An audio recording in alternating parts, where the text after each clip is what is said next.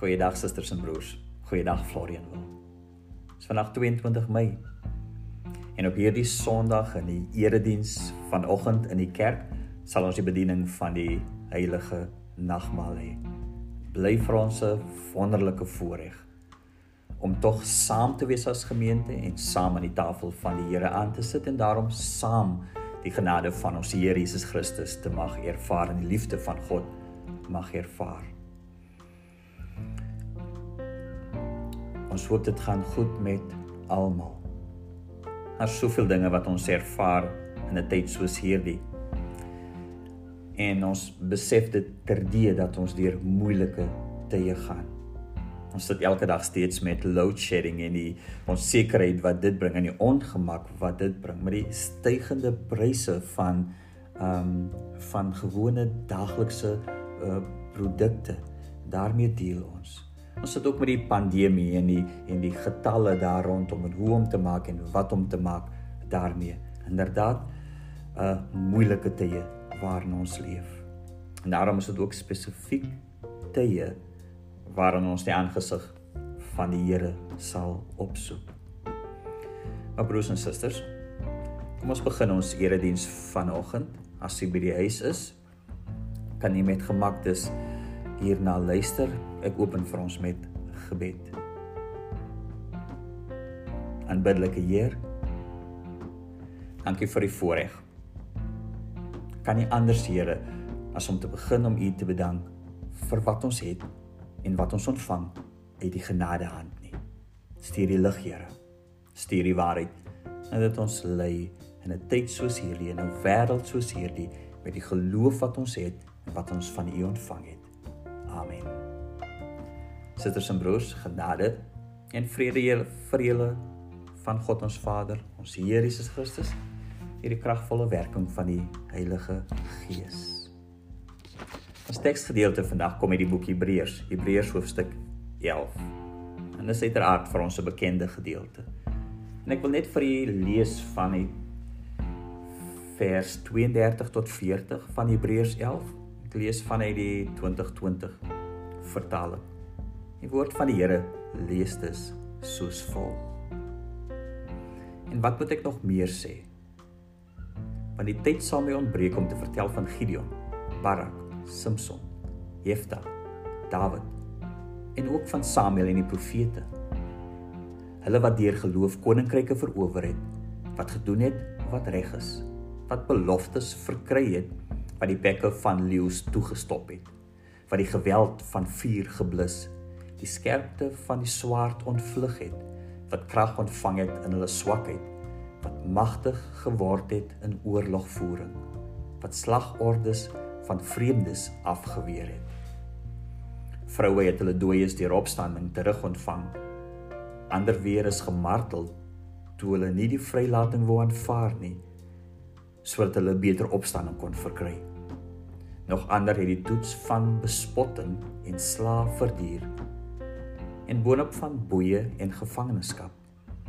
Hulle is gestenig, middeldeur gesaag. Deur teregstelling met die swaard het hulle gesterf. In skaapvelle het hulle geswerf, in bokvelle behoeftig, verdruk, mishandel. Die wêreld was hulle nie werd terwyl hulle in verlate plekke en oor berge rondgeswerf het en in grotte en in gate in die grond. En hoewel daar oor al hierdie mense van wie hulle geloof met lof getuig is, het hulle nie die belofte ontvang nie.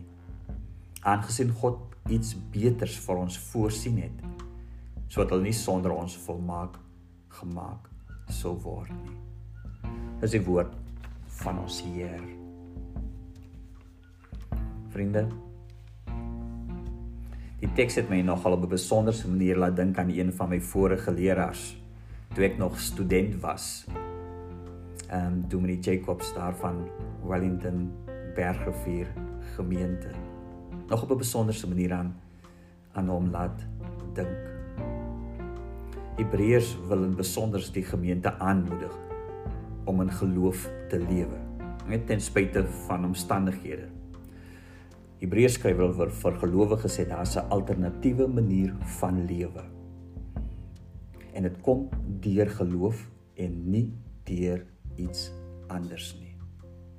'n Manier van lewe broers en susters wil Hebreërs sê is deur geloof. Dit kom nie deur um, 'n lewe van mag nie. Kom nie deur geweld nie.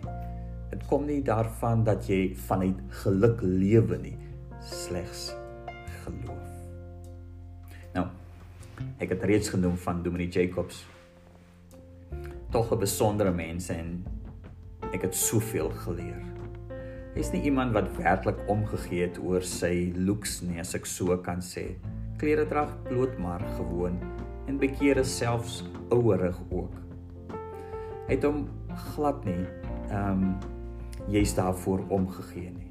Ek onthou sy voertuie hy twee Volkswagen Beetles gehad, niks anders nie. Dis wat hy verkies het om te ry en ook niks anders nie. Was veral sy benadering tot die bediening. Ehm um, en ek moet erken tot op daardie stadium in my lewe het ek dit nog nie raak geloop nie. Daar was net geen pretensie nie. Net 'n sterk fokus op die woord van die Here en die verkondiging van die woord van die Here om dit uit te lê, om mense te leer aangaande die Here. Ek kon nou my Bybel het 'n klomp aantekenings gehad van dinge wat hy gesê het. Jy weet sulke one-liners, iets wat hy genoem het in sy boodskap. Dat ek vir myself gesê ek sal dit moet onthou. Ek moet dit neerskryf. Ek onthou hoe hy by dag gesê het wat sy teologie was. Met ander woorde, jy weet die basis van sy lewe was. En dit was dat God red mense ter wille van sy naam op grond van Jesegiel 36. Daar was sy benadering tot finansies en ek dink ek het baie daar geleer.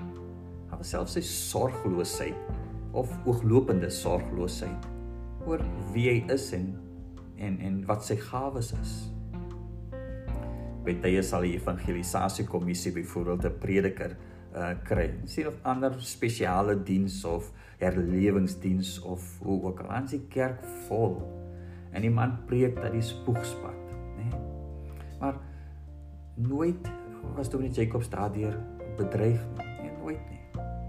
Hy het eenvoudig net in wat hy glo en hoe hy glo en in 'n vaste geloof geleef. En aan die volgende Sondag daarop het ons almal weer gesit, geluister na sy verkondiging van in die woord. En dis hoe hy geleef het en dis hoe hy sy gemeente bedien het met dit wat die Here vir hom gegee het. En daarom het hy vir my op 'n besonderse manier 'n alternatief van leef en bedien gewys. En ek sê weer, en dit guide my nog tot vandag toe. Wat Hebreërs doen is presies dit. Hy wil sy lesers herinner aan die voorgeslagte, aan hulle wat in geloof geleef het. En dis die manier om in geloof te leef wat hy wil hê gelowiges moet doen. En daarom sal u as jy die 2020 vertaling of ou vertaling lees, sal Hebreërs skrywer sê by soveel geleenthede Deur die geloof het Abel dit gedoen. Deur die geloof het Henog, deur die geloof het Noag, deur die geloof het Abraham, deur die geloof het Moses. Jy weet keer op keer die woorde herhaal deur die geloof, deur die geloof. Die 1983 sal dit anders vertaal met omdat hulle geglo het. Um ou vertaling 20 in 2020 deur die geloof. Die realiteit van die gelowiges was wat wat Hebreërs skrywer noem hierdie gelowiges maar dan ook dies wat ons onthou en wat ons eie lewe geshape het en gevorm het is dat hulle op God alleen vertrou het en daarom het hulle daaglikse realiteite die goed van elke dag het nie gemaak dat hulle minder vertrou of minder glo nie. Dit het ook gemaak dat hulle nie kompromieë aangegaan het wat hulle lewe en hulle geloof betref en heel eenvoudig anders geleef want hulle het uit geloof geleef. Hulle het vertrou in die Here.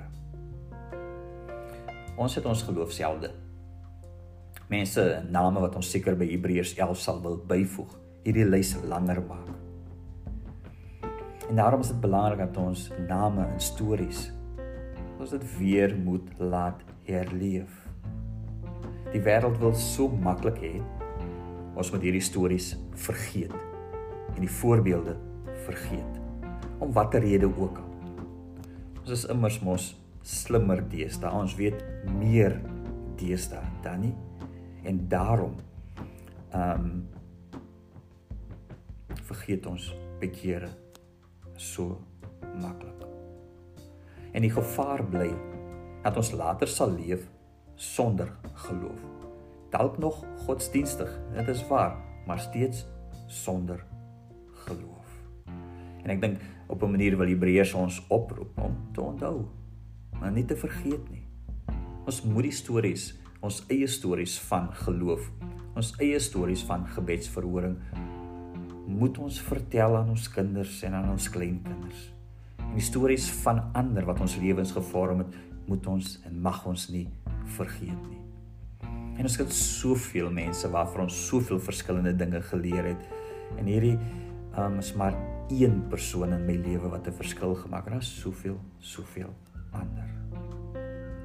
Ons moet leef in die geloof deur die geloof. Hebreërs 11 vers 13 tot 16 vertel van hierdie geloofshelde en gelowiges wat geleef het van hierdie beloftes van die Here en dit tog nie ontvang het nie. Met ander woorde sê ons teksgedeelte, hulle het dit van ver af gesien. Hulle het gehinker na 'n vaderland, na 'n beter een, 'n hemelse een. En daarom sê ons teksgedeelte, daarom skaam God hom nie vir hulle om hulle God genoem te word nie. Hebreërs sê dat die dat die gelowiges deur die geloof geweet het dat daar agter die sienlike dinge ook nog die onsienlike dinge sit. En besonder die groot onsienlike wie God is. Hulle oë was gefestig op Jesus wie die begin en die volëinder van hulle geloof geloof was. En daarom broers en susters, ten spyte van hulle omstandighede, het hulle ver gekyk en hulle diep gekyk en hulle vorentoe gekyk en hulle het God se toekoms raak gesien en op grond daarvan het hulle geleef. Al het hulle nie ontvang nie. Hulle het dit tog gesien en daarna gehanker. Geliefdes, dat bo kan die realiteite van elke dag het hulle geglo is God steeds verhewe En daarom is dit iets wat van 'n vreemde besigheid hierdie. Ten minste vreemd vir hierdie wêreld. Want dis 'n lewe deur die geloof. Hoe beloftes gaan waar maak dit wat God vir ons sê en beloof, is ons nie eens elke dag seker van nie. Maar dis beloof deur God. En daarom word daar volgens geleef, want ons beskou God as betroubaar. Vriende, Dis eers waarlik geloof as ons op grond van die beloftes gaan leef en gaan doen. En dis waar. En dit uiteraard maak van jou 'n vreemdeling. En jou waardes en jou keuses, jou lewenstyl word nie voorgeskryf deur die wêreld nie. Nee, dit word voorgeskryf, voorgeskryf deur die Here. Hebreërs 11:35 tot 38 verduidelik verder wat gebeur met mense wat in geloof leef. Hulle kry swaar. Daar is bespotting. Hulle verduur sla. As boeye in gevangenskap. Hulle word gestenig, middeldeur gesaag, reggestel, mishandel, rondgeswerf, noem maar op. Want dis wat gebeur met gelowiges wat volgens geloof lewe. Hulle kry swaar en dit is waartoe hulle geloof hulle lei. En dit lyk vanuit Hebreërs 11 dat hulle meer as bereid was om hierdie offer te bring. Daarvan het hulle nie weggeskram nie. Dit was nie vir hulle opsie gewees nie. Deur die geloof het gelowiges dit alles ervaar. En kort broers en susters, dis wat ons leer vandag in hierdie oomblik vanuit vanuit Hebreërs hoofstuk 11. Is dit is die moeite werd om te glo, om Christen te wees, om getrou te wees aan God. Ons sien en ons lees van hierdie gelowiges wat hulle alles deurgemaak het.